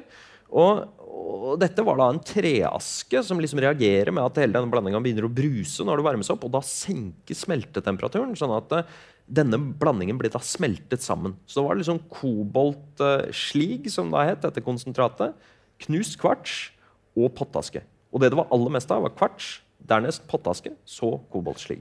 Og denne massen den ble da smeltet på 1200 grader i eh, mange mange timer. Altså det Man da gjorde var at man blandet dette rundt og så at alle partiklene var løst opp. Og så kom det sånne de beskriver det bare som sånne tråder som festa seg til dette, denne jernskjea de rørte med. Da skjønte de at nå begynner den å bli ferdig. Og da hadde det dannet seg sånne klumper med sånn metallavfall som lå i den blandinga. Og den tappa man ut. Og så helte man dette i en beholder med kaldt vann, sånn at, eh, at dette stivner veldig fort. Men da sprengte glasset, sånn at eh, disse blå glassklumpene de kom i sånne nevestore klumper som liksom føyk ut av dette her når du helter det oppi. For det har blitt et glass nå. Ja, da har det blitt et glass. Og det er veldig sånn viktig. Mange syns det er rart. at liksom, ja, Hvorfor må denne kobolten liksom, på død og liv i en glassblanding? For det er veldig tungvint å liksom, lage glass for å lage blå farge. Men det er rett og slett Det er på en måte lerretet kobolten trenger for å danne denne fargen. Så da, øh, og da skjer disse kjemiske reaksjonene, og så lager man da eh, kobolt øh, koboltglass, rett og slett, som da er blått. Og Samme prosessen er det når du lager din underglassur til eh, porselen også. For da er det ikke, den er ikke blå når du maler den eller trykker den på, men den blåfargen kommer når du brenner dette her. Så, eh, men i hvert fall, da. Så har du blå, eh, disse blå klumpene. De ble da tatt inn i eh, fargemølla. Altså Der har du en møllestein, akkurat som en kvernstein, rett og slett som ligger over hverandre. Og så tok man da, så hadde man et glasspukkverk. Det var et sånt lite pukkverk hvor du knuste glasset. Og så tok du skåra og la de på denne fargemølla. og så begynte Den den gikk da rundt og rundt, og så kverna den dette til det blei sånne små, fine glasspartikler. Så var det veldig varierende hvor liksom grovt den skulle males for hva den skulle brukes til. Skulle du male den for eksempel oppå eh, glasuren til porselen, så skulle det være ganske grovt. Skulle du ha det i papirblandinger, skulle det være helt finmalt. Og Så ble da denne massen tappa av øh, mølla, og så ble det lagt i et vannbad. Og der sorterte de ut de forskjellige kvalitetene ettersom når de sank. For da var det liksom denne grovhetsgraden. Og så- Er dette, dette er rent manuelt, selvfølgelig. Sitter folk Ja. bare og, og De- teller de små partiklene? de sikter dem, rett og slett. Eh, og, eh, og så ble de revet. Altså de, ble, de sto nesten med noe som ser ut som et sånt um, cricketbaltre. Sånn, de sto og slo ned på de klumpene, sånn at de fikk jevna det ut. Og så ble det tørka, og så ble det lagt på doble tønner. Det var veldig viktig at Tønnene måtte lages av forskjellige veldig spesifikke tresorter, enten bøk eller gran, fordi andre sorter ble ødelagt, ja, andre tresorter ødela pigmentet. Og så ble det da merka og sendt da til Drammen. Det tok ett døgn å få de til Drammen, stort sett. Og herifra så gikk det da ut til alle verdens havner, nærmest. Vi kan dokumentere New York, Kanton i Kina, eh, men primært så er det liksom London og andre steder i England. Eh, Nederland, Belgia, Frankrike, Tyskland. Det er liksom de, de store hovedstedene i, eh, i, i, Europa var viktige avtakere av dette. For de hadde ikke dette i alle land. Så det var viktig å da liksom, Storbritannia de produserte jo f.eks. stentøy det var en kjempeviktig industri. Jeg regna ut hvor mye det genererte av penger i 1838 for det britiske kongeriket. Og det var noe som tilsvarte 157 millioner pund i dagens valuta på ett år. i denne industrien. Og det produserte masse stentøy. Og blått og hvitt stentøy eller porselen var da liksom et varemerke. Det var viktig at du hadde denne koboltfargen. Og den fikk du da. Hvor lang tid tok det fra jeg som en liten stenbit uh, lå oppi åsen der, ja. til jeg var i den tønna? Hvor, mm. lang, hvor, lang, hvor, lenge hadde jeg det gøy på veien der? Altså Det kunne ta veldig lang tid. Ble du utvunnet på sommeren før 1837, så måtte du jo ligge og vente til eh, vinterstid for å sledeføre for å få deg ned. Og disse prosessene på, eh, på smelteverket foregikk antageligvis over noen uker, antageligvis. Så det var liksom prosesser som hele tida var i gang, men det, det, tok lang tid, og det var veldig arbeidskrevende. Og tørkinga skulle liksom, Du skulle tørke over en gitt periode. Og, så, så, det var eh, I dag så ville vi jo på en måte blitt helt gærne av liksom det at du kan si til en produsent at ja, nei, en som skal kjøpe dette, nei, sorry, men nå tar et halvt år ekstra, fordi nå har nettopp fjorden fryst. Så da, det var noe med det at De kunne kjøre dette til Drøbak eller Svelvik. Da hadde de noen, noen hummerbåter som gikk liksom på vinterstid også. Men, eh, men, stort sett så var det da altså på sommertid du kunne liksom ned. Så det, det var veldig lang tid. Og så kan vi jo ta Ja, her er vi litt sånn Men jeg er så spent på, at Rigget er jo så jævla svært her. Altså, Skjønte vi ja. hva vi drev med? Vi, altså, visste vi hva vi trengte? Eller var det litt sånn at vi måtte skjønne det uh, underveis? Altså, det er jo så mange, mange, mange, mange ledd og mye, det, mange prosesser. Det førte til noen spektakulære feil i starten. Ja. Altså, fordi at dette var jo liksom et dansk foretak. Det var jo kong Kristian 7. som liksom stiftet dette her. For øvrig mannen som visstnok er den eneste konge som har undertegnet og godkjent sitt eget statskupp. Han var antageligvis schizofren, er det tenkt. altså Han sto egentlig og undertegna alt du la foran han, og sønnen hans sa OK, statskupp, vær så god, undertegna. Men han stiftet jo dette 1.4.1876. Og da fikk de først en som liksom skulle være på stedet direktør, som het Weitz. Og han løy i søknaden sin og sa at han kunne veldig mye om koboltdrift, men han, egentlig, han var en saltverkskontrollør og kunne ingenting om koboltdrift. Så når han da begynte å konstruere disse bygningene Det er helt utrolig at de tillot dette. Men han var jo tysk. Det var jo et enormt fortrinn. bare det. Og da, da eh, tok de og da hadde han bl.a. feilkonstruert den der kalsinerhytta og det giftfanget. Og da var det en industrispion som reiste til Tyskland, rekrutterte en ny en som kom opp hit og inspiserte disse tingene som var bygd. Og han sa at det står i fare for å falle sammen. Og hvis de gjør det, så kommer de til å forgifte en omkrets av 1,5 mil i hver eneste retning. Eh, og, så de investerte gjennom en sånn 20-årsperiode noe som tilsvarer et helt års skatteinntekter for Danmark-Norge i dette prosjektet. Og, og, det var altså, masse feil og surr som skjedde i starten, men så ble det da Etter hvert så ble det veldig presist og veldig Vi vet hva dette er. Vi, dette kan vi. Nå må vi gjøre disse investeringene, og så går det opp og bra. Og det førte jo bl.a. til det her. Jeg antar alle kan lese dette. Uh, Ser ut som et gammelt regnskap av noe slag. Det er det. Og det som er litt gøy her, er at her er det faktisk Du ser oppe på toppen her ti Faustager 3FC smalt til Kina i 1843. Og dette er regnskapet over en forsendelse da, av ti tønner med uh, koboltblått som ble sendt til Kina. Det ble da sendt fra Drammen i 18, nei, mars, 31. mars 1843. Det kom, fra, kom fram i um, Amsterdam i april, altså 26. april. Og så er det da sånn at dette kommer da fram 15. juni. Så blir det da solgt i Kina året etter. Mm. Så det er snakk om sånn ca. et år fra det da forlater Drammen havn, til det ender opp i Kina. Og igjen, det kinesiske eventyret det, det, det ble aldri liksom helt realisert, fordi at det var så fryktelig lang vei, og det sto kineserne er fryktelig mistroiske overfor europeiske handelsmenn. Det var ikke så rart, det var rett etter opiumskrigene. så det var liksom... Uh, men, men de, de, Og det var veldig mye sånn forfalska blåfarge og sånne ting. Men, så, men, det sier noe om at liksom et produkt som ble lagd i Modum, det, det, hadde faktisk en genuin, ganske stor etterspørsel på et marked som et land som da var på en måte et kjempedyrt land, som hadde antageligvis veldig lite tanke om Modum. Iallfall på den tida. Var vi gode på å markedsføre dette da, og for andre land? Ble det lagd noen gøye reklamekampanjer eller noe? Eh, ja, de var veldig De var ikke noe gøye, kan jeg si. Men det de da primært gjorde, var at de sendte ut det som ble kalt for priskuranter. som ble liksom slått opp i tidsskrifter og aviser og sånn.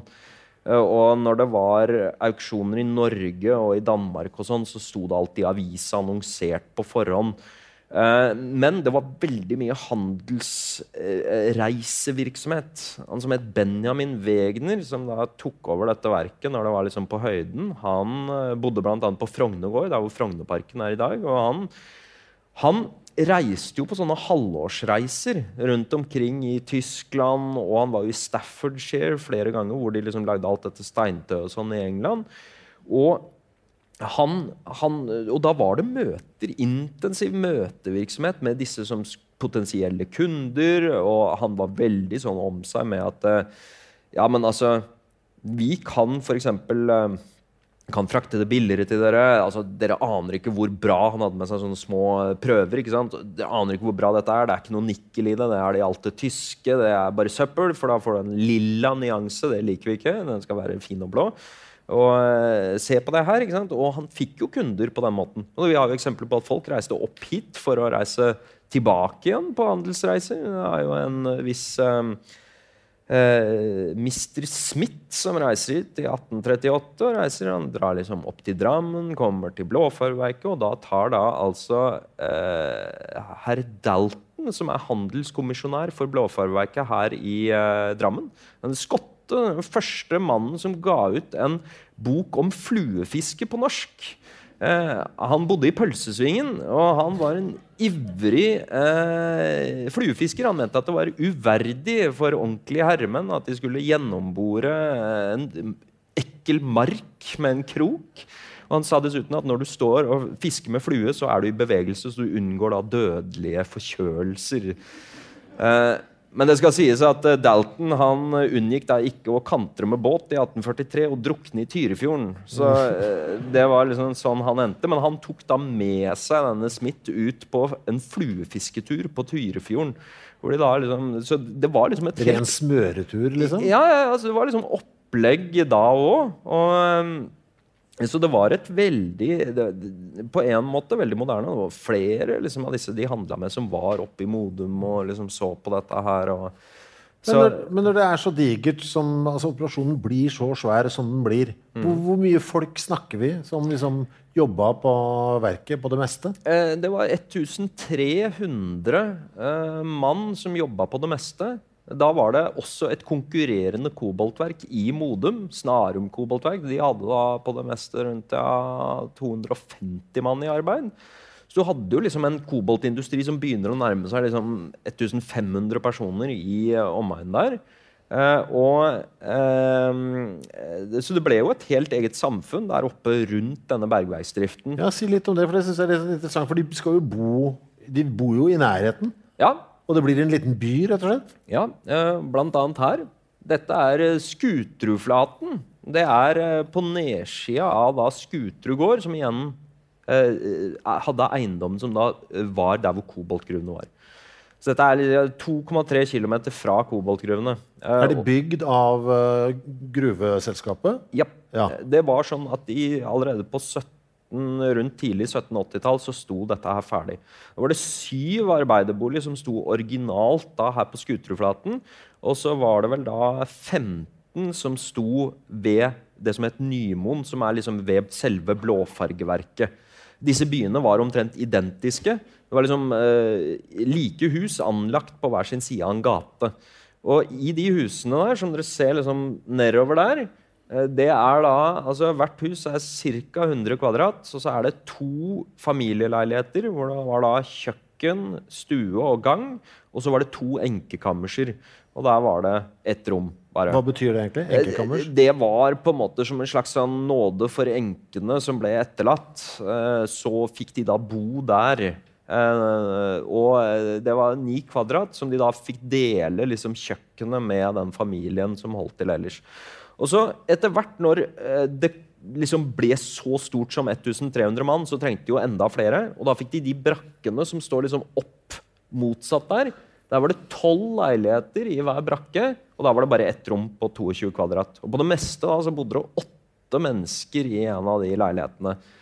Eh, og så hadde du uthus som var knytta til.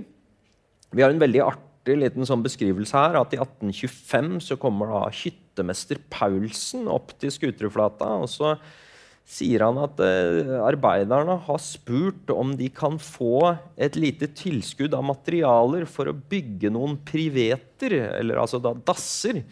Eh, for, som han da sa, jeg kan ikke unngå å liksom bemerke at det er litt ubehagelig her oppe. Og når en mann på 1820-tallet sier at det er litt ubehagelig, så betyr det at det er ganske ille. Da hadde de antageligvis ikke så mange dohus der oppe, og sanitære forhold var veldig viktig i sånne områder som dette. fordi at altså, Her hadde du syv arbeiderboliger i starten på Skuterudflata, mens på Nymoen, som er her, det er liksom ved Blåfarveverket, der hadde du 15 arbeiderboliger som ble anlagt samtidig. Og eh, det var et av de få stedene i Modum hvor folk bodde veldig, veldig tett. Så de var veldig utsatte for sånne små epidemier som liksom raste gjennom disse Altså, det er jo på et tidspunkt hvor koleraen uh, raser gjennom Norge. Ja, og det var de jo fryktelig redde for. fordi at når den asiatiske koleraen liksom traff Drammen, så begynte den å spre seg utover. og Det var 50% dødelighet hvis du ble sjuk. Og eh, da tenkte jo selvfølgelig, Vi har jo frakt til og fra Drammen hver eneste dag. Og hva gjør vi hvis én person blir sjuk her? Så kommer hele byen til å ha dette i løpet av eh, 0, svisj. Og da er det Hvis du ser den boligen som er liksom nærmest her, så er det doktorgården. Eh, Den er der nede. Og der var det jo da legen, verkslege, for de hadde jo egen helsetjeneste på, ved bergverk. Allerede i bergordinansen fra 1683 så ble det sagt at alle gruvearbeidere skulle da ha fri bartenskjærer. Altså, det var jo barbereren da på den tida. Men, uh, og de skulle også ha to måneders sykelønn, nei, skadelønn. Og den var full, full lønn hvis de ble skada. Og de skulle ha gratis behandling osv. Uh, og etter hvert så begynte eh, verket her òg, hadde jo det helt fra starten av. De hadde da den første, og han var veldig artig, for han het doktor Martini. Eh, og det som var kanskje mer artig med dr. Martini, var at han var en ueksaminert kirurg. Å, fy faen. Eh, så det vil da si at eh, Altså, hadde bare lært det sjøl. Ja, på en måte. Det, eh, Hobbykirurg. Altså, ja, ikke sant? Fordi at Kirurgen var også Han var lavere ned på rangstigen enn legen. For legen kunne jo medisin. ikke sant? Han kunne jo årelate deg, gi deg brekkmiddel og alt disse tingene her. Mens eh, kirurgen han kunne egentlig bare kappe av et bein. Det, det, det var ganske greit. Men, men eh, kirurgen, han, eh, Martini, han var da egentlig bare assistenten til eh, berg, berglege og professor Torsteinsen, som ble ansatt her først. Han var da verkslege på Kongsberg sølvverk. Og som en nødløsning for å spare penger så ble han ansatt på Blåfarverket òg. For det var jo også en statlig bedrift. Og de sa bare at ja, hvis det er noen smittsomme sykdommer, så kan, da må du komme. Men ellers kan du bare være på, på Kongsberg. liksom. Og så etter hvert så skjønte jeg at hvis de må begynne å frakte folk som liksom har fått knust et bein fire mil til Kongsberg for at de skal få gjort noe med det, så, så, så funker ikke det.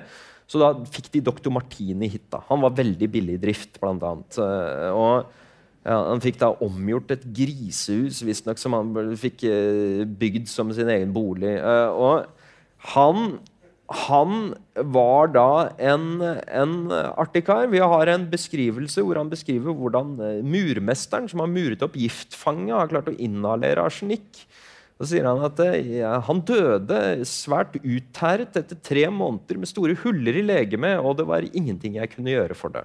Og selvfølgelig kunne han ikke gjøre noe, for han, hadde jo altså han, han kunne ikke den medisinske tankegangen da, som en lege kunne. Men etter hvert så fikk de da veldig godt uteksaminerte kirurger, nei, leger oppgitt. Og eh, blant annet da doktor Ludvig Holberg Arentz, som var den første som flyttet inn i doktorgården i 1828. Og han, han utarbeidet da en slags eh, sånn hva er det heter, nærmest en sånn ROS-analyse, eller sånn kriseplan for hva gjør vi hvis, hvis det kommer kolera hit. Og Da var det han og bokholderen, bokholder Beck, og de gikk da sammen. Og så inspiserte de alle arbeiderboligene. Så er det noen steder der det er ekstra trekk her. Er det, noe med, er det fukt i, eh, i, i kjellerne? Her må vi liksom vi må bygge på og passe på at alt er optimalt, sånn at folk er liksom tåler å treffe dette her hvis det kommer. Så fikk fattige de fikk utdelt da suppe. Kolerasuppe. Den er veldig spesiell, for vi har oppskriften på den. Eh, den er da full av nærende ting, som bl.a. flesk, kjøtt, eh, til og med ingefær. Eh, og dette ble da lagd i store gryter og delt ut til de fattige arbeiderne, sånn at de skulle liksom ha næringen i kroppen så de skulle tåle dette. Og Så ble det utviklet da karanteneordninger. Eh, skolen skulle bl.a. Ja, det er skole der òg. Ja, det er den eh, lille boligen der nede, litt sånn ut fra de andre. eh, I to etasjer der. Det er Nymoen skole. Så de hadde da egen skole her også. Det var, ellers i Modum så hadde man omgangsskolen. så Da gikk man liksom to måneder i året. Her hadde man 190 dager. Det var jo veldig bra. Og man fikk egne bøker hvis du kunne gi en attest på at foreldrene dine var så fattige at de ikke kunne kjøpe det for deg. Men hva med boligene? Hvor mye kosta det å bo der? Fram til 1850 kosta det ingenting.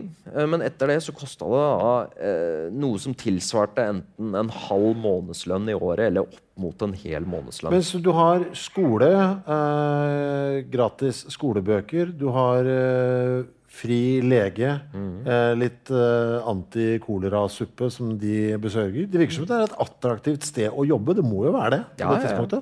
De Var det kamp om plassene for å få lov til å jobbe på verket? Absolutt. Altså, de hadde jo en voldsom tilstrømning i perioder. Kom, folk kom fra Kongsberg. Altså, vi har til og med et eksempel på to stykker som kom helt fra Toten, som er sånn ti mil unna. og der var det jo sånn, De sov jo da i det skeidehuset gjennom åra, holdt jeg på å si. De hadde ingen fast plass her, for det var ikke plass. Men det gjorde de gladelig allikevel, fordi at eh, da fikk de jobb. Og eh, det var jo primært det at det var så det krevde så høy sysselsetting. Altså, du krevde så mange til jobbene her. At, eh, og det var veldig store muligheter for å tjene ekstra på å jobbe ekstra også. Så da kunne du tjene Grunnlønna var helt grei, men, men det ekstrainntjeninga den var veldig god. Så, så eh, det var primært det. Og så var det, det var to måneders halv lønn ved sykdom for faste ansatte. Det var to måneders full lønn ved skade for alle ansatte. Eh, Det var enkepensjoner, en tiendedel av mannens lønn for enkene. De kunne også bo der gratis. Og det var også da stønad for barn som var etterlatt. Hvis de mista begge foreldrene, ble de ofte satt bort på legd. Det var jo litt eh, verre igjen, men, eh, men det var også da sånn at eh, man hadde Og man hadde fattigkasse. Hvor unikt er dette i Norge på den tida her? Eh, Det er unikt for bergverkene generelt. Altså, man hadde tilsvarende ordninger på Kongsberg for eksempel, og andre bergverk. Så mye av dette var faktisk nedfelt i lov. At bergverkene skulle ha disse ordningene. Og det er faktisk De første trygdesystemene vi kjenner til i Norge, er fra 1500-tallet. Fra sånne kobberverk i Telemark, mener jeg det er. Og de første i verden er også fra 1200-tallet, fra Saksen i Tyskland. Så, så dette var en veldig sånn bergverksting, og det var veldig viktig. Altså en, fra 1812 så sa loven at en bergverkseier kan faktisk frita en del av arbeidsstokken sin fra krigstjeneste, eller altså militærtjeneste, fordi at dette var ansett som så, så viktig å holde i gang, for det var så mye inntjening i det. Og, og så selvfølgelig så er det noe med det at du må jo på en måte, du må jo kunne trekke med noe. ikke sant? Fordi at uh, dette er jo, det er jo dritfarlig. Og uh, det, det, er jo veldig ubehagelig og veldig sånn, sånn veldig annerledes sted å jobbe. Folk er jo ikke vant til å gå rundt under bakkene og sånne ting. og da men hvis du kommer da med god lønn og litt sånn andre ting, så, så, så fikk man jo mange folk til å komme hit. Apropos farlig. Du antydet oppe at du hadde en, hadde en legehistorie som var sånn Du var litt usikker på om du skulle ta eller ikke. Uh, ja, uh, det er jeg, jeg, vet ikke om jeg orker det, men vi Ja, nei, men vi, vi, vi, vi, kjører på nå. Det er uh, altså ja, vi tar er det. det Dr. Martini? nei, det er ikke Dr. Martini, dessverre. Men altså, det vil si, jeg har Det, det er liksom det er noen som jeg liksom skal trekke litt fra meg, men jeg kan ta den første først. Og det er han Ludvig Holberg Arentz, som da har denne. Han var en veldig sånn ivrig innskriver av et uh, magasin som het Eir. Som var et sånn tidlig legevitenskapelig uh, tidsskrift. Da. Og der har han veldig mange rare sånne artikler. Mye av det er veldig bra, men, men han har også en hvor han mener at for epidemier sprer seg gjennom elektrisk spenning i tordenvær. Han har også en hvor han har en jente med en misdannelse på venstre bein som han sier ser ut som et mannlig avlslem. Og hvor han da sier at det kanskje har skjedd fordi eh, denne, denne, moren da kanskje har opplevd noe traumatisk under graviditeten. Som han sier, men det spekulerer jeg bare på. eller noe lignende der. Eh, men disse legene var jo da altså det er, det er, blodigler i tinningen, det er klipping av hår, og det er liksom årelating, klyster og avkok av rabarbra og sånne ting. Men én ting de var gode på, det var altså, det å faktisk gjøre operasjoner. For du må tenke deg at disse gjorde operasjoner på folk som ikke var ordentlig bedøvd engang. Og vi har eksempler fra Storbritannia hvor kirurgen gråter før operasjonen fordi han veit hva han skal utsette dette mennesket for.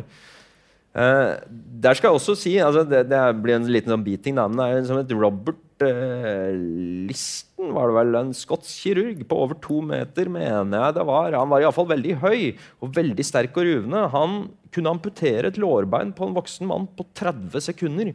Det ble sagt at når du så det i auditoriet, så hvis du nøys når han satte kniven inn, så var det over før det var ferdig. Han han ble også kalt for 'the fastest blade in the West End'. Han eh, skal visstnok en gang ha blitt så irritert fordi en pasient løp i panikk når han skulle eh, operere på galleblæra hans, at han, eh, denne pasienten har låst seg inn på do, så han sparka ned døra og dro han inn i auditoriet. Men The happy days! Ja, men, men han var da veldig opptatt av det, at det er viktig å være rask. Og det var på en måte det viktige her for å være human, rett og slett. Eh, men han var visstnok så rask en gang at han hadde en 300% dødsrate i en operasjon. hvor han da det ble eh, koldbrann i amputasjonen på han mannen som han amputerte. Han kutta av fingrene på assistenten sin, som også fikk koldbrann. Og han satte da amputasjonskniven rett i skjorta på han fyren bak han, som da sto og så på. Den punkterte ikke huden, men han fikk hjerteinfarkt. Så, så, men i hvert fall, når det er liksom som bakteppe, så var det da sånn at det var en fyr fra Hole som het da Ingebrigt Oppsal. Han ble ansatt som løsarbeider på Blåfarverket i 1827. Og 2.6.1828 så ble han tatt i et gruveras. Eh, det var flere som ble ramma, men han var den eneste som ble så begravd at eh, legen skriver at de måtte minere han løs. altså De måtte faktisk bore han løs fra steinene. Og når de da fikk dratt han ned fra eh, gruvene, så var det til, ned hit på Skuterudflata, eller egentlig Skuterud gård, som var litt lenger oppe. Der ble han lagt på et bord. Og så var det en som dro som sto med ildbud til legen. Legen bodde ved Blåfarverket i doktorgården. og han, Du bruker jo da lang tid på å løpe ni kilometer, men eh, han kom da tilbake igjen ridende opp og spratt opp klærne til Ingebrigt. Og som han sa, det var sånn Dødens blekhet lå på hans åsyn. og sånne ting. De veldig sånn, de skriver jo veldig flott og pent på den tiden. og Han ser da at uh, høyrebeinet det henger primært fast i selve lårbeinet. All bløtmasse er liksom revet av, og da ser vi at denne må amputeres av. Det må skje ganske fort. Så han tar han med da ned igjen til uh, Nymoen her. Noen av de som bodde langs den gata, der hadde en litt sånn uheldig ting i kontrakten deres, at de måtte huse syke og skada hvis det trengtes. Så Ingebrigt ble lagt inn her. Da kan du si som en biting at det er veldig fint når da naboen får tyfus, så blir bare smelt inn hos deg, og så får alle tyfus. Men eh, det som i hvert fall var, var at eh, to dager senere skulle operasjonen skje. Og det var lenge å vente. Ja, det, det, var noe med det. Han prøvde vel på det lengste. Han smørte på noe sånn kamillesalve og sånne ting for å prøve liksom se om ja, Og så var det noe med at han var veldig svak, så han var litt redd for å egentlig sette i gang. Eh, for dette var jo nærmest en dødsdom uansett. Og, men så var det ingen vei utenom. To dager senere så ble liksom hele familien til Ingebrigt kalt inn. Han hadde kone og to barn. Og så kom verkets direktør, Benjamin Wegner, kom ned og liksom snakket med dem.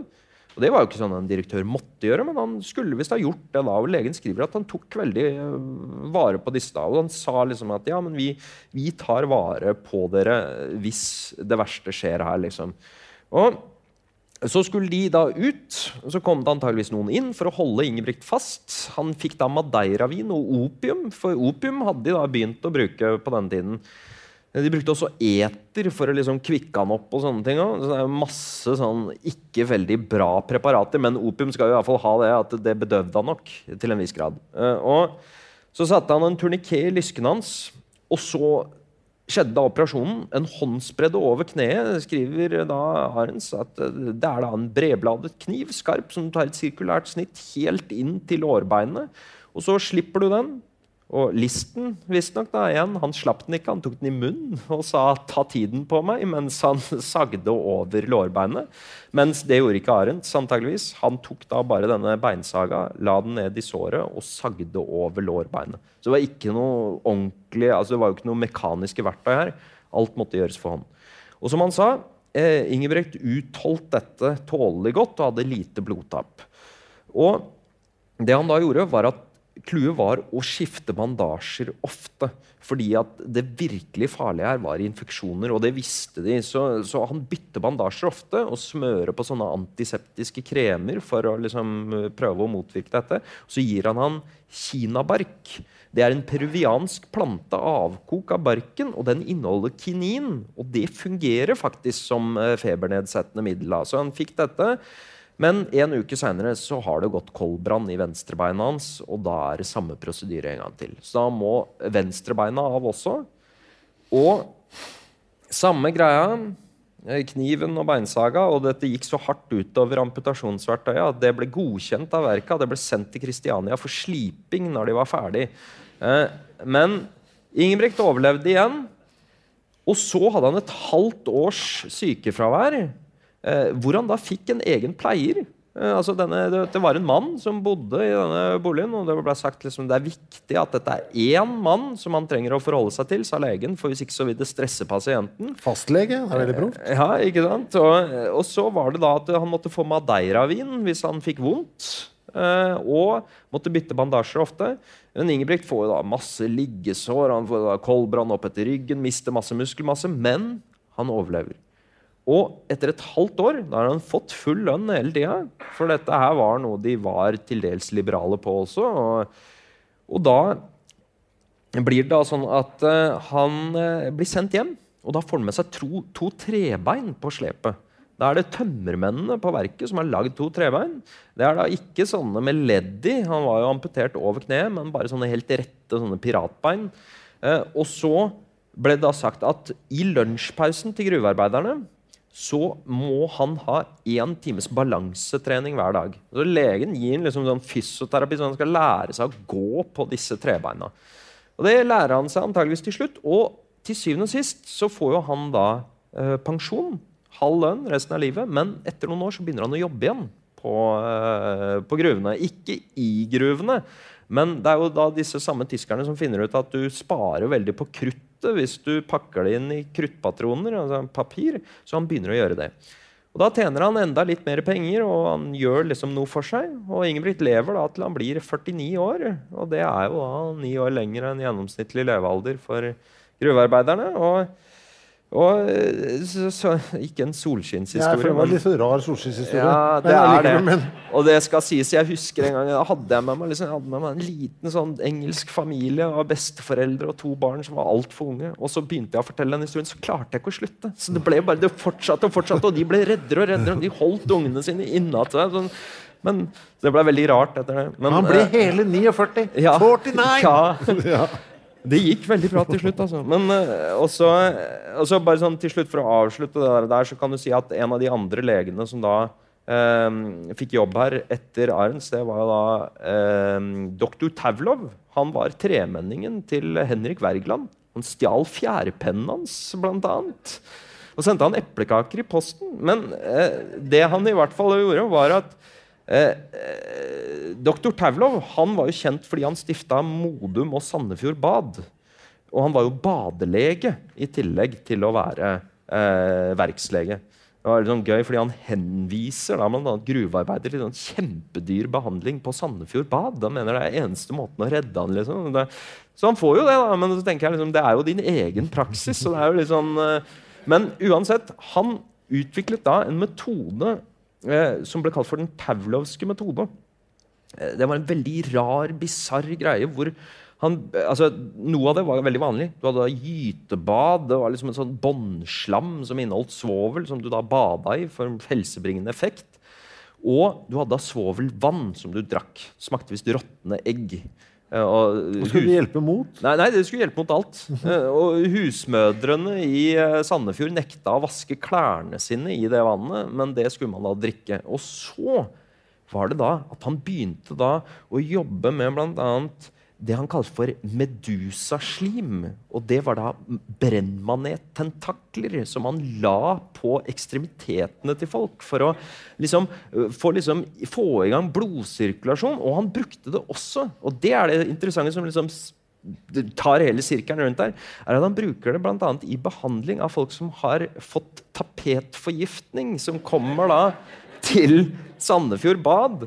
Fordi de har grønne tapeter. som de Da mener, og da sitter de i disse dampbadene og sier at det lukter liksom hvitløk av svetten min. fordi det er liksom arsenikken som kommer ut. Og så får de da denne maneten lagt på beina. fordi at det, Folk som ble arsenikkforgifta, de, det påvirker nervesystemet. sånn at du, du, du kan få det man kalte i England for drop ankle. altså At føttene slutter å fungere, blant annet, og du får sånn nummen prikking og kan få dårlig funksjon i armene. og sånn. Så da la de liksom dette manetslimet, eller medusaslimet, på, på disse, og det skulle Og hjelpe. drikke vann som smaker Ja, råttent ja, egg. ja, ja. Og, så og så var det en ting som var høyst reelt. Og det var at du, du, skulle, du skulle bevege deg, du skulle være i aktivitet, og du skulle liksom konversere med de som var der. og Sånn, og, så, eh, og, men det er klart at den der, eh, den manetbehandlinga Det sto i eh, biografien hans fra 1908 at det har kanskje gått noe av moten de seinere år, men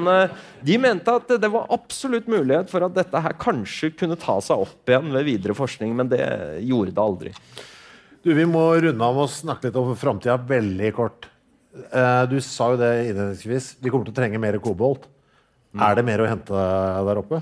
Eh, ja, det er jo spekulasjoner i det. da, og eh, vi, vi jobber Det er et veldig sånn interessant samarbeid med det gruveselskapet. De, de er liksom oppe hos oss i gruva, og der kan jo de se hvordan forekomsten muligens kan fortsette på en mye bedre måte enn det de kan se hvis de borer ned i bakken.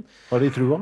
Eh, ja, det tror jeg de har. De, de siste er ganske målretta. Altså. De bora nå flere sånn 2,5 km dype høl oppe der. Og eh, de bora jo gjennom koboltmineraliseringer.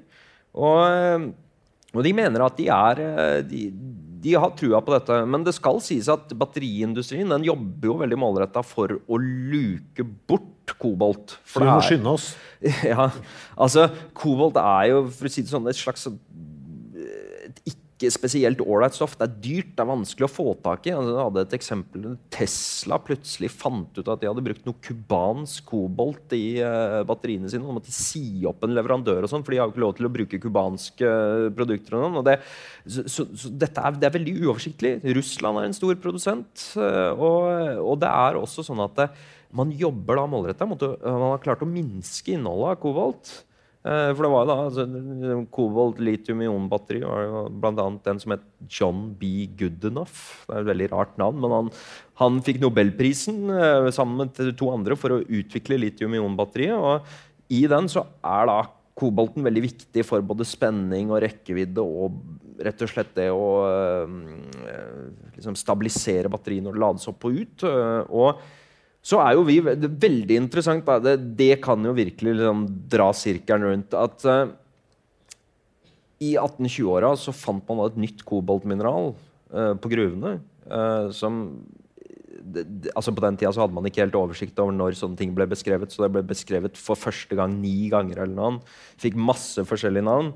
Uh, og bl.a. Modumitt var det en som foreslo, men det endte da med at det ble kalt for Skuteruditt, og det heter det i dag. Det er oppkalt etter Skuterud gård. Og Skuteruditten den har da en spesiell uh, atomstruktur som gjør at den bl.a. har termoelektriske kvaliteter. Og på da, The Jet Propulsion Laboratory, som er tilknytta NASA, så forsker de da på om de kan lage såkalt, altså en slags form for radioaktivt eh, batteri, altså et termoelektrisk batteri, som kan ha en enorm yteevne, altså kan generere strøm gjennom kulde og varme. og eh, drive sånne ubemanna fartøy langt ut i ytterkanten av vårt solsystem. Og det er jo litt sånn gøy å tenke på. Det er liksom ja, En fyr fant da kobolt for 251 år siden på et sted i verden. Og så plutselig så får dette mineralet da navnet etter en gård i Vikersund. Og nå skal liksom, den gården i Vikersund kanskje potensielt i fremtiden faktisk ut i ytterkanten av solsystemet. Så jeg elsker det. ja. Vi kunne sitte her i ni dager til. Og vi må, vi må, ta en prat på telefonen. For vi må finne på en grunn til at du kan komme tilbake igjen. Jeg vet ikke hva det skal være, men vi må finne fram til det. Jeg skal si noe om uh, neste rekommandert, som er, det er mandag igjen. Det er siste før det blir en måned sommerferie. 26.6. Um, det er jo en setning uh, som går som følger. Mennesker pleide å være jeger-sankere. Det er et uttrykk som vi har hørt mange ganger. Uh, de fleste av oss føler jo at vi har grei oversikt over hva det vil si å være en jeger i dag. Men sankere, hvem er de? Hva sanker de? Hvor mange er de? Hvor fins de? For de finnes uh, overalt. Og er det egentlig greit at de går der ute i skogen og peller fritt fra vårt alles felleseie? Det er uh, Paul Carlsen som uh, kommer tilbake som gjest. Han var jo en av de første her og var innom og snakka om sopp. Han har skrevet en bok om alle disse spørsmålene, og datoen er altså mandag 26. juni. Uh, ja, Vi må finne ut av hvordan vi skal få deg tilbake hit. Tusen takk for at du kom, Lasse Hermansen Bjørnland. Tusen takk. Denne podkasten er produsert av Henry.